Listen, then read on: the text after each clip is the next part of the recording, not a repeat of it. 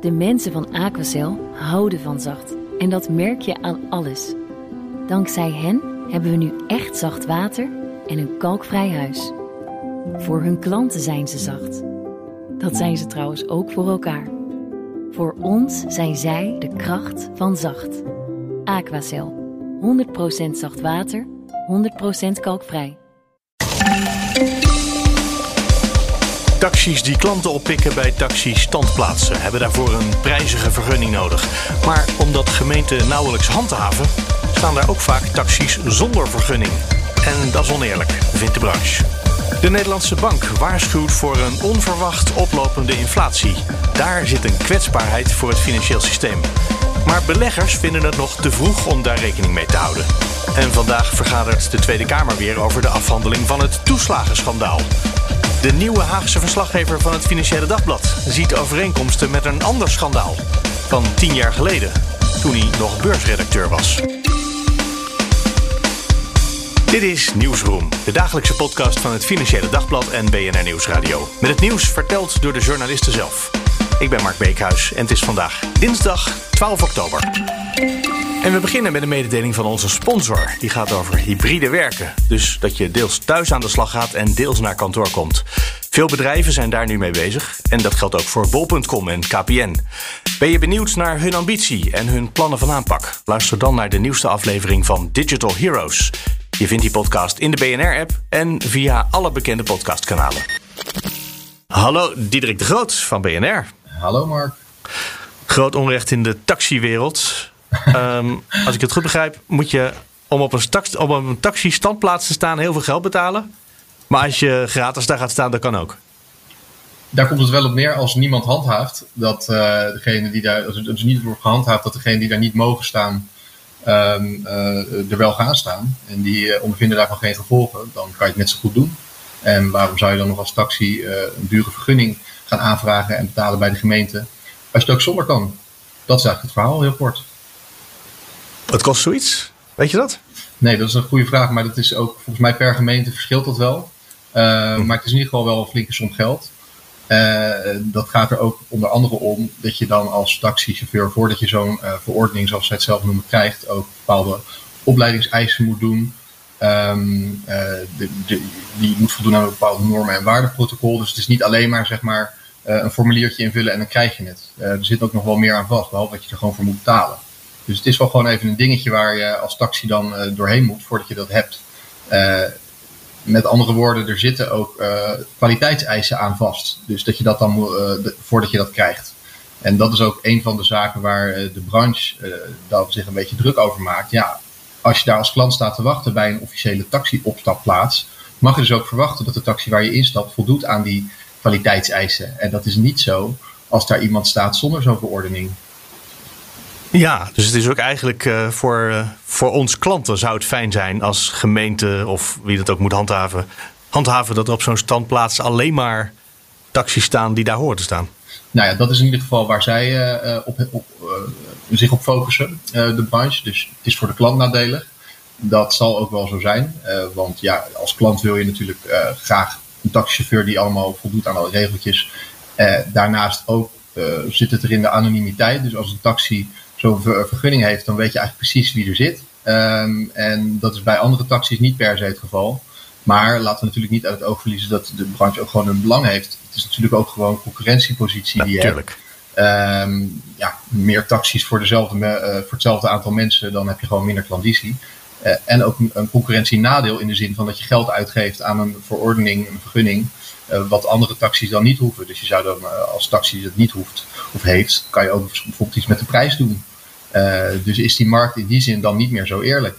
Waarom handhaven gemeenten dit niet gewoon? Want je gaat natuurlijk niet een heel vergunningssysteem optuigen, omdat vervolgens helemaal niet, ja, om daar niks mee te doen.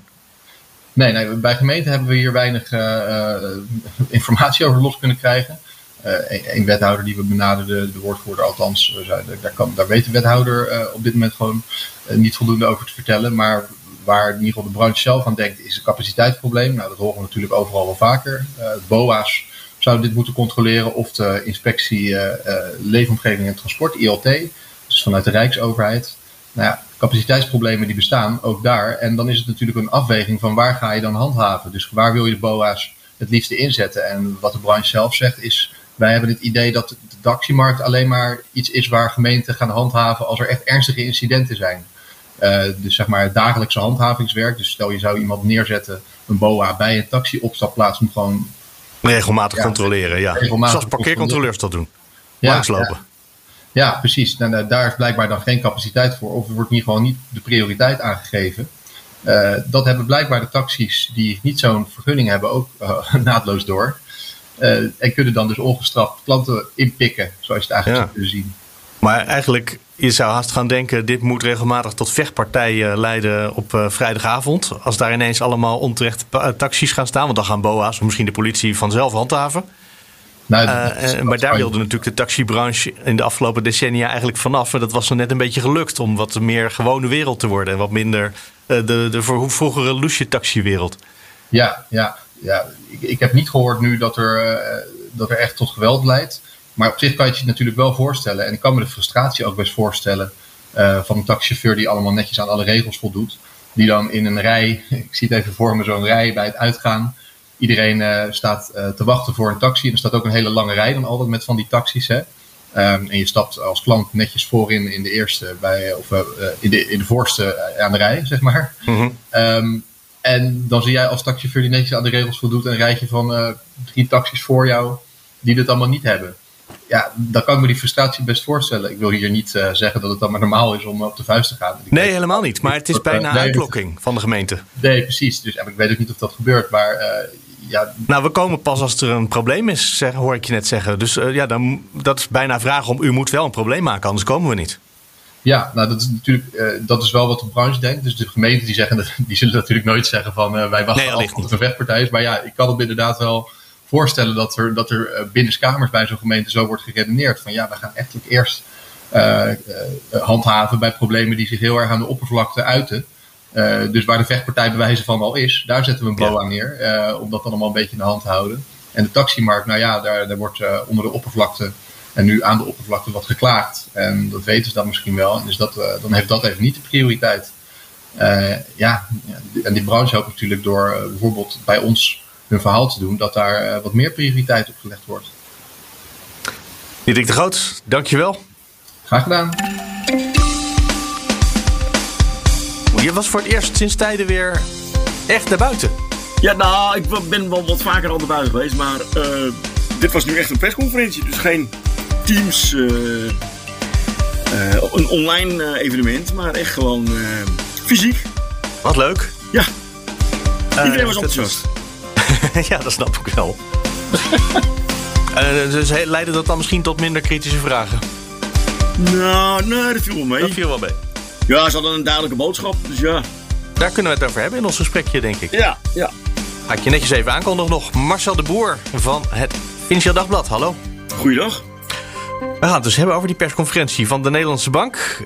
Uh, met een grote waarschuwing. Er zijn uh, kwetsbaarheden in het financiële systeem en daar moeten we met z'n allen rekening mee gaan houden. Uh, zijn jullie allemaal geschrokken tijdens die persconferentie? Ik bedoel, klonk het, klonk het ernstig en bozig, zal ik maar zeggen? nou, dat, nee.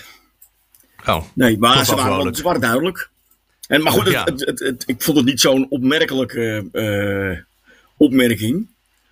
Uh -huh. in ieder geval als het gaat over de, de, de, de kwetsbaarheden op de financiële markten. Die had je ook wel door. Ja, je hoeft er, niet, je hoeft er geen groot licht eh, voor te zijn, denk ik, om uh, dat te snappen. Nou, voor een eenvoudig uh, klein licht als ik. als het gaat om de economie en de financiële markten. Waar, waar, zat nou precies de waarschuwing in? Nou ja, beleggers doen net alsof het, het, de huidige situatie, dus het, het, het ruime geldbeleid en, en de, de, lage rente, voor eeuwig zo blijven. Mm -hmm. zo blijft.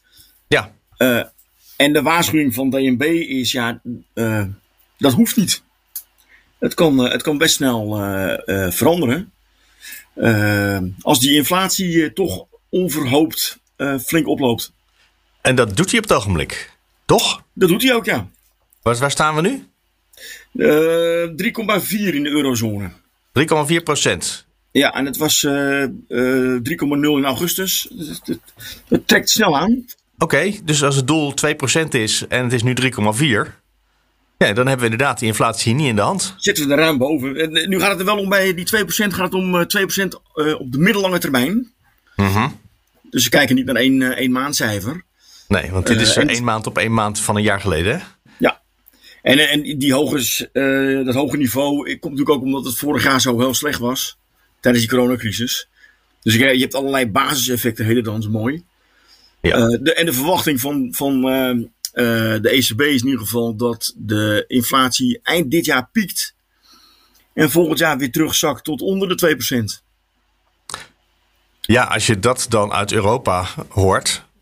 Uh, de inflatie is binnenkort weer gewoon onder de 2%. Dan snap ik ook al die beleggers wel. Dat ze zeggen, nou, wij denken dat de situatie van de afgelopen 10 jaar... of nou nee, de afgelopen vijf jaar... ook de komende vijf jaar er nog wel zal zijn. En misschien nog wel langer. Ja. ja dus wat moeten we dan met zo'n waarschuwing van een Nederlandse bank ineens? Er is, er is een mooi termijncontract... Uh, dat heel mooi laat zien uh, waar de markt denkt dat de inflatie over vijf jaar is. Uh, die was aan het begin van dit jaar stond, dat, stond het contract op 1,2 procent. Dus, hè, dus, over vijf jaar zitten we op 1,2, dus ruim onder die ECB-doelstelling. En inmiddels zijn die verwachtingen dus opgelopen naar 1,8. Ja, wat, nog steeds. Wat, wat, nog steeds onder de ECB-doelstelling is. Maar, maar goed, als iedereen natuurlijk uh, belegt met uh, 1% in het achterhoofd, dan, uh, dan gaat het een moment misschien toch knellen. Nou ja, ja Knol die zegt vooral, ja, hij zegt, de capaciteit om vooraf in te schatten wat tijdelijk is, uh, is niet onbegrensd. Een beetje een, een ingewikkelde formulering, maar uh, waar het eigenlijk op neerkomt, is dat, dat ze ook niet zeker weten uh, dat hun eigen voorspelling uitkomt. Er komt vervolgens de uitspraak: er is meer in het inflatieproces wat we niet begrijpen dan wat we wel begrijpen. Wat opmerkelijk is voor een centrale bankier die toch geacht wordt om de prijsstabiliteit te waarborgen. Ja, maar dat zou natuurlijk best waar kunnen zijn. Dat het hogere doel is dat je ergens terechtkomt. En dat is ons ook nog niet zo vaak gelukt. Of dat is ze nog niet zo vaak gelukt. Dus misschien klopt het wel, deze uh, opmerking. Ja, ja. Nou ja, we, uh, zullen, het, uh, we zullen het zien. Ja, dat is sowieso iets met de toekomst. Die komt altijd een keer voorbij. nou lees ik in jouw stuk onder andere een beleggingsstratege van ABN AMRO, Mees Pierson. Ja. En die zegt, ja, het is veel te vroeg om nu de strategie, de strategie om te gooien. Dus die zegt, ja, wij hebben dit ook wel door, maar uh, we doen er gewoon niks mee. Ja. Nou ja, die kijkt, die kijkt vooral naar de, naar de ECB, want die gaat natuurlijk over uh, het rentebeleid. Uh, en zolang de ECB zegt, het is tijdelijk, wij houden alle sluizen open. Uh-huh. Met, met, met, met stimuleringsprogramma's en, en een, een bijzonder lage rente. ja, zolang ze dat blijven uh, zeggen, uh, ja, veranderen beleggers niet van houding. Nee, dus dan ga ik toch weer even terug naar de vraag die ik net ook al stelde. Wat moeten we dan met zo'n uh, waarschuwing van de Nederlandse bank, die dus kennelijk net niet hetzelfde waarschuwt als de Europese Centrale Bank? Want in Europa zeggen ze, gaat u rustig slapen. En in Amsterdam zeggen ja. ze, nou, u kan rustig gaan slapen, maar misschien maken we u midden in de nacht wakker.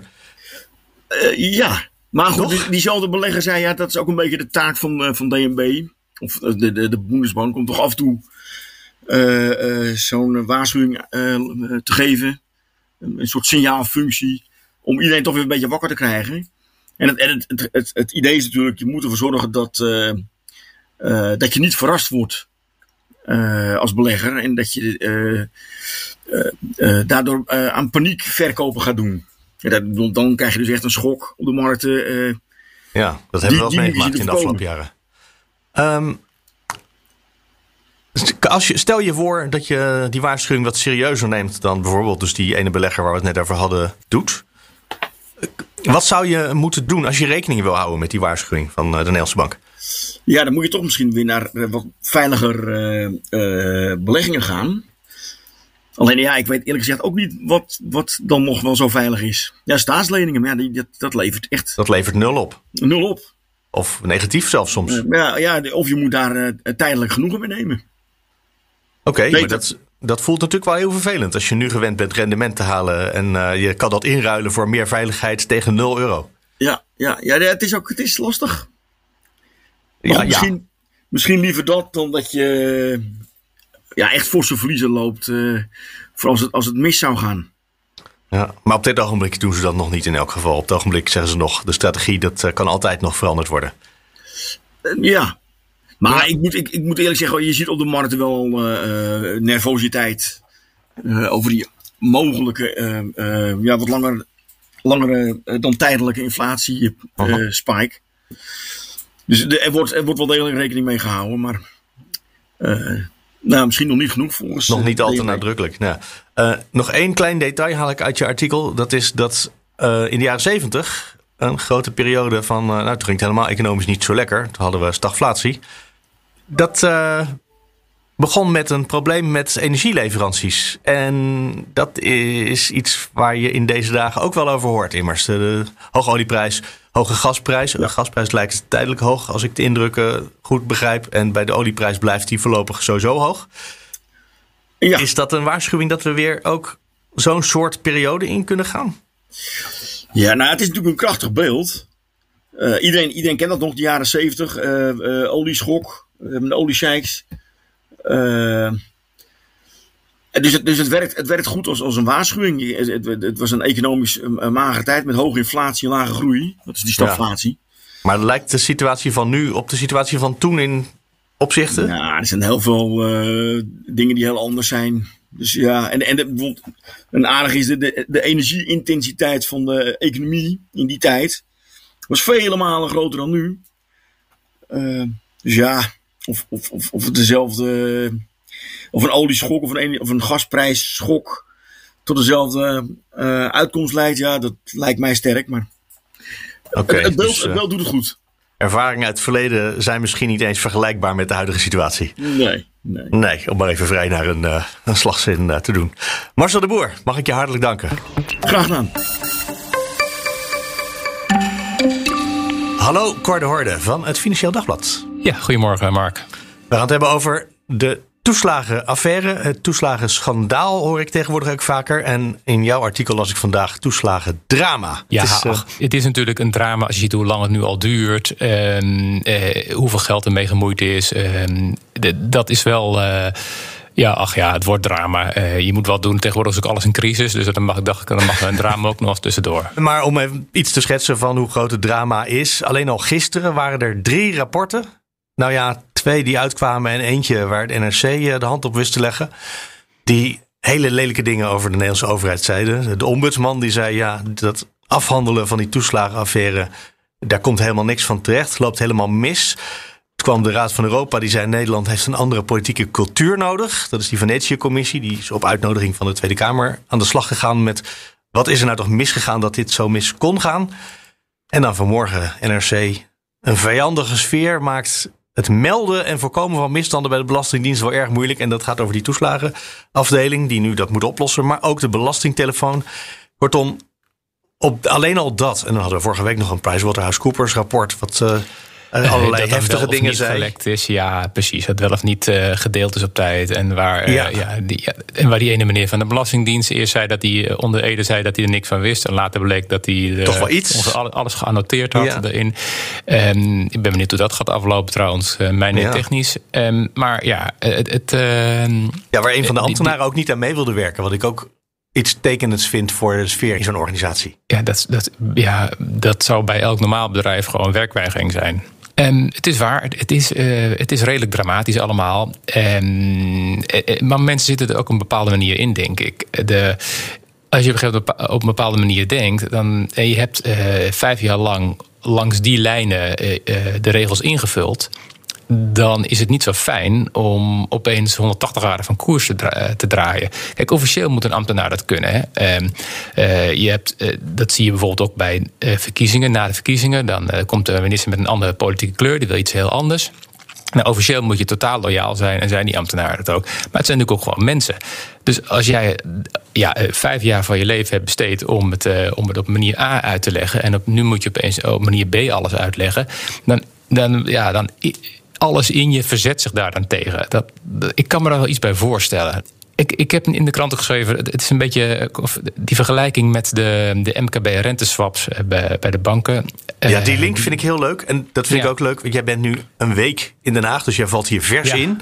en je komt vanaf, je was een chef voor alle financiële berichtgeving. En daarvoor was ik weer bankredacteur bij het Financiële Dagblad. Dus jij kijkt met een andere ogen dan de meeste Haagse verslaggevers. En jij legt dan de link tussen de toeslagen en de renteswaps. Vertel eerst nog even wat daar ook weer mis mee was. Want dat weten natuurlijk de meeste mensen niet meer. Ja, nee, ja, nee uh, Nee, dat klopt. Het was zo rond 2008, 9, 10 uh, dat banken massaal allerlei, uh, allerlei uh, raar producten verkochten aan, aan bedrijven. En dat waren over het algemeen ook de kleine ondernemers, namelijk renteswaps, waarbij je de, de rente voor langer termijn vastlegt. Op zichzelf klinkt dat niet zo vreselijk ingewikkeld, maar de, de implicaties daarvan, die, ik zal niet in de details treden, maar die, die kunnen onverwacht en, uh, en vergaand zijn. Als je gokte dat het omlaag zou gaan en dat had je afgedekt, maar dan ging het omhoog. Of juist Precies. andersom. Ze waren binnenvaartschippers, ze waren garagehouder, van alles en nog wat. Ja.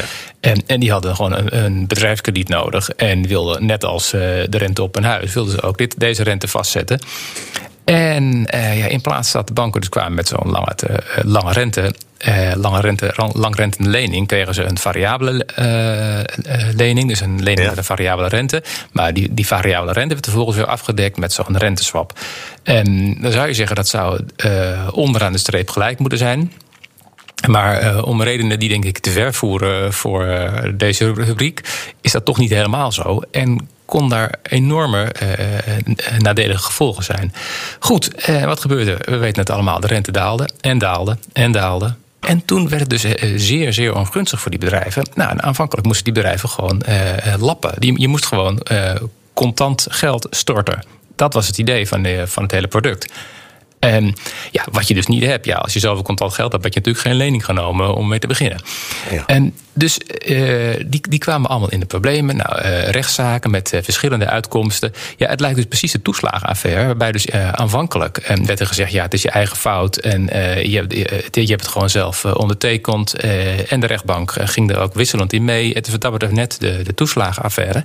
En de, top van de bank wilde eerst überhaupt niks van horen, te klein. En toen ze er iets van wilden horen, was de, de lijn van ja, dit zijn gewoon individuele gevallen. En, eh, die mensen weten wat ze doen. Eh, en pas nog veel later bleek dat er wel degelijk een bankbrede eh, beleid achter zat.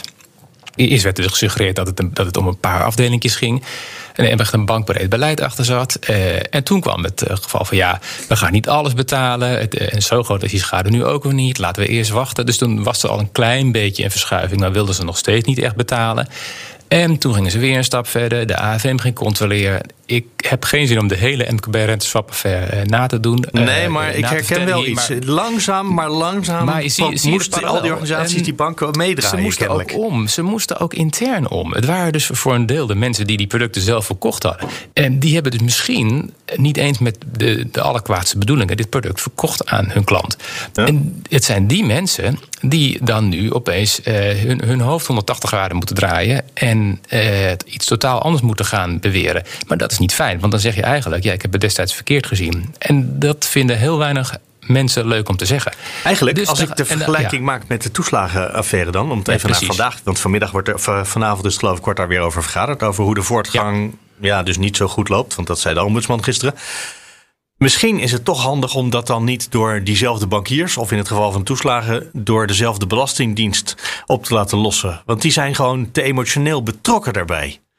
Dat is zo. Inderdaad, eh, emotioneel betrokken is het goede woord. Um, tegelijkertijd, uh, ik zie wat je bedoelt, maar hoeveel Ze hebben er ook verstand van. Ze hebben er wel verstand van. Hoeveel mensen hebben überhaupt verstand van dit soort toeslagen? Weten uh, hoe al die systemen werken? En waar haal je een blik nieuwe, totaal nieuwe mensen vandaan? En wat doe je vervolgens met die oude mensen?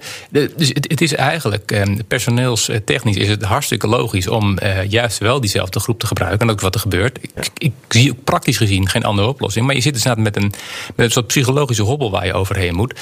Waardoor men afhankelijk met, met de kont tegen de krip dit herstelwerk gaat doen. En zelfs nu, nu dit, ik heb inmiddels wel de indruk hè, dat het dat iedereen nu al overtuigd is van ja, we hebben die fout gedaan. We moeten nu echt uh, royaal, uh, royaal de portemonnee trekken. Je had het bij die banken en die renteswaps ook. Dat ze op enig moment uh, zeiden ja, er zaten allemaal nieuwe mensen in de raad van bestuur.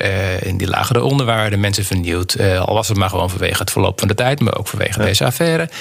Um, inmiddels was het voor iedereen duidelijk: we moeten het anders gaan doen. Die, die ballast uit het verleden, die persoonlijke privéballast van ik heb het zelf verkocht, die was er dus niet meer. Want bij de top waren er nieuwe mensen. Net als hier bij de affaire, de toeslagenaffaire, dat we een nieuwe staatssecretaris hebben. Dus dat speelt allemaal geen rol meer. En dan nog, dan ben je er nog niet. Want nu komt gewoon die praktische uitvoering. Uh, bij die MKB-renteswaps ging het om 19.000 uh, eh, bedrijven. Uh, en dan tel ik al niet mee de bedrijven die vinden dat ze er wel onder hadden moeten ja, vallen. Ja, het, het, is echt, die parallel is enorm met die toeslagenaffaire. En bij die toeslagenaffaire hebben 47.000 ouders zich aangemeld. Nou, daarvoor is nog niet helemaal duidelijk hoeveel de daadwerkelijk in aanmerking komen. Want ja, wat opvallend is dat nadat dus alles bekend werd dat, uh, dat, men de portemonnee ging trekken, gingen er opeens veel meer mensen zich uh, aanmelden. Ja, dat is ook uh, vergelijkbaar. Dus, ja, inderdaad. Dus, dus logischerwijs zullen bij die tweede groep zullen misschien mensen zitten die er helemaal niet voor een aanmerking komen. inderdaad zie je daar de, de groep afvallers wat groter. Het zijn nog wat voorlopige cijfers, maar dat is wel wat, wat nu het beeld is. Dus kortom, ik kan het getal niet zeggen, maar die, maar die, die aantallen zijn enigszins vergelijkbaar. 19.000 versus een deel van 47.000. Nou ja, dat, dat is wel wat meer, maar niet heel veel meer. En ja, en dan van een afstandje gezien gaat het allemaal om hetzelfde. Net als bij die MKB-renteswaps. En ga je vervolgens inzoomen naar elk individueel geval. Ja, dan zijn er gewoon honderd verschillen. Doet een beetje denken aan een. Uh, als je een, uh, ja, een, een, auto koopt, een Volkswagen Golf. dan denk je ja, dat, dat is toch allemaal dezelfde. En die blijkt je dan. Uh, ga maar eens alle varianten die je kunt krijgen. kleuren, motor, motor enzovoort. Dan kom je op meer dan duizend varianten die je kunt kopen. En dat is hier natuurlijk ook. Je denkt dat het allemaal hetzelfde. Maar als je alle variabelen die je vervolgens nog kunt hebben... van ze zijn gescheiden, zijn verhuizen, hadden één kinder, twee kinderen, drie kinderen...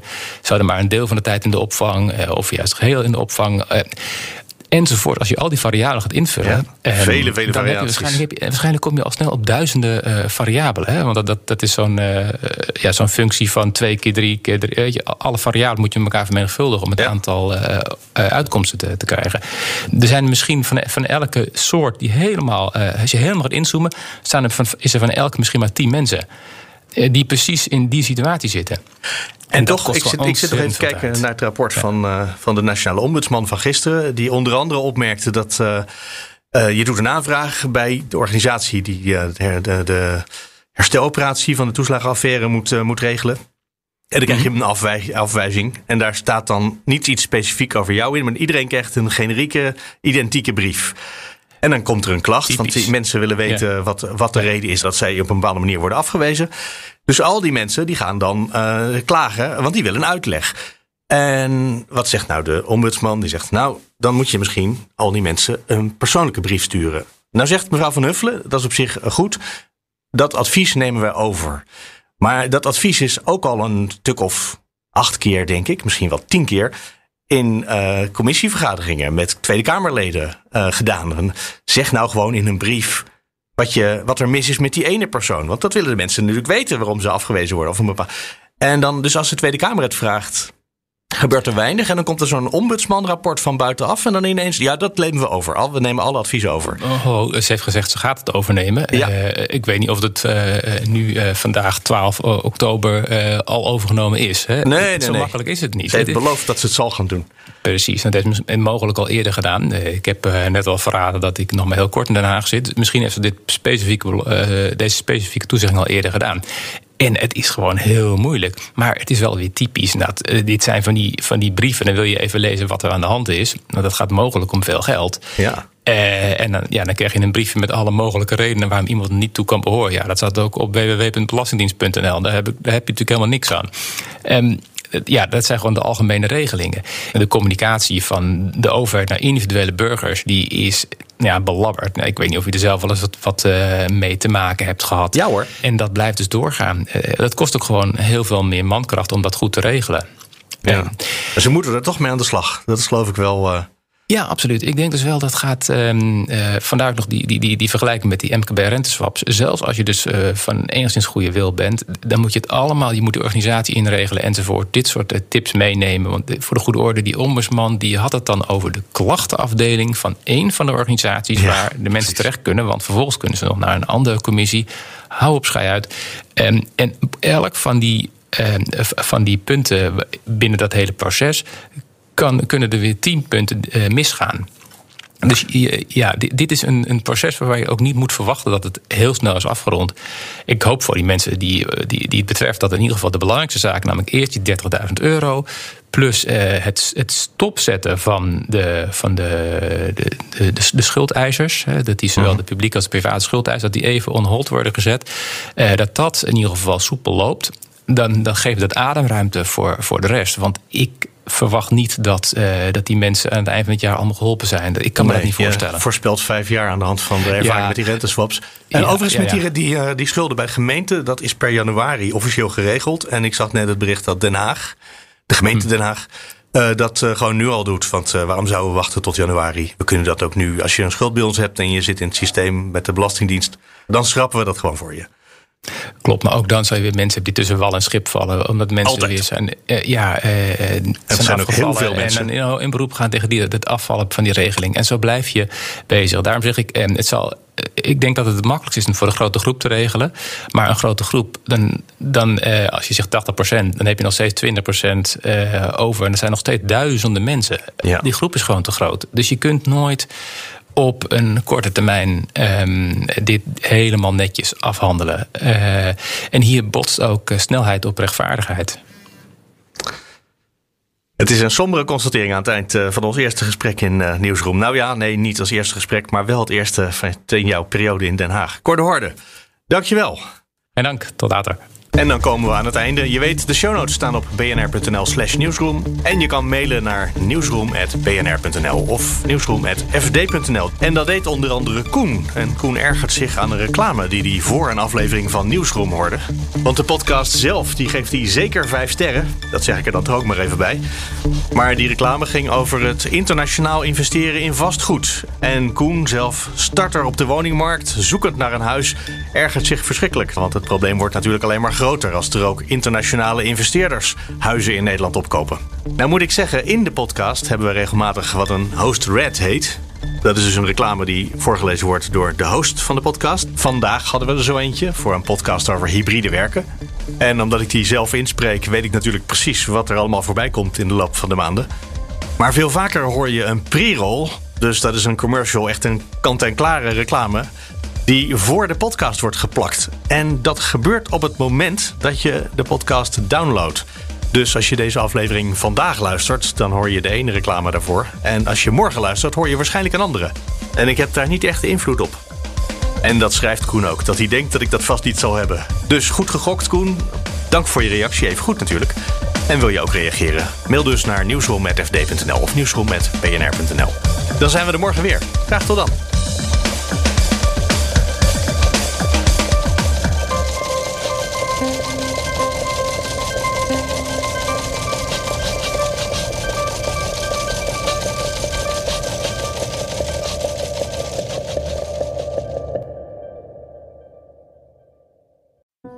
De mensen van Aquacel houden van zacht. En dat merk je aan alles. Dankzij hen hebben we nu echt zacht water en een kalkvrij huis. Voor hun klanten zijn ze zacht. Dat zijn ze trouwens ook voor elkaar. Voor ons zijn zij de kracht van zacht. Aquacel. 100% zacht water, 100% kalkvrij.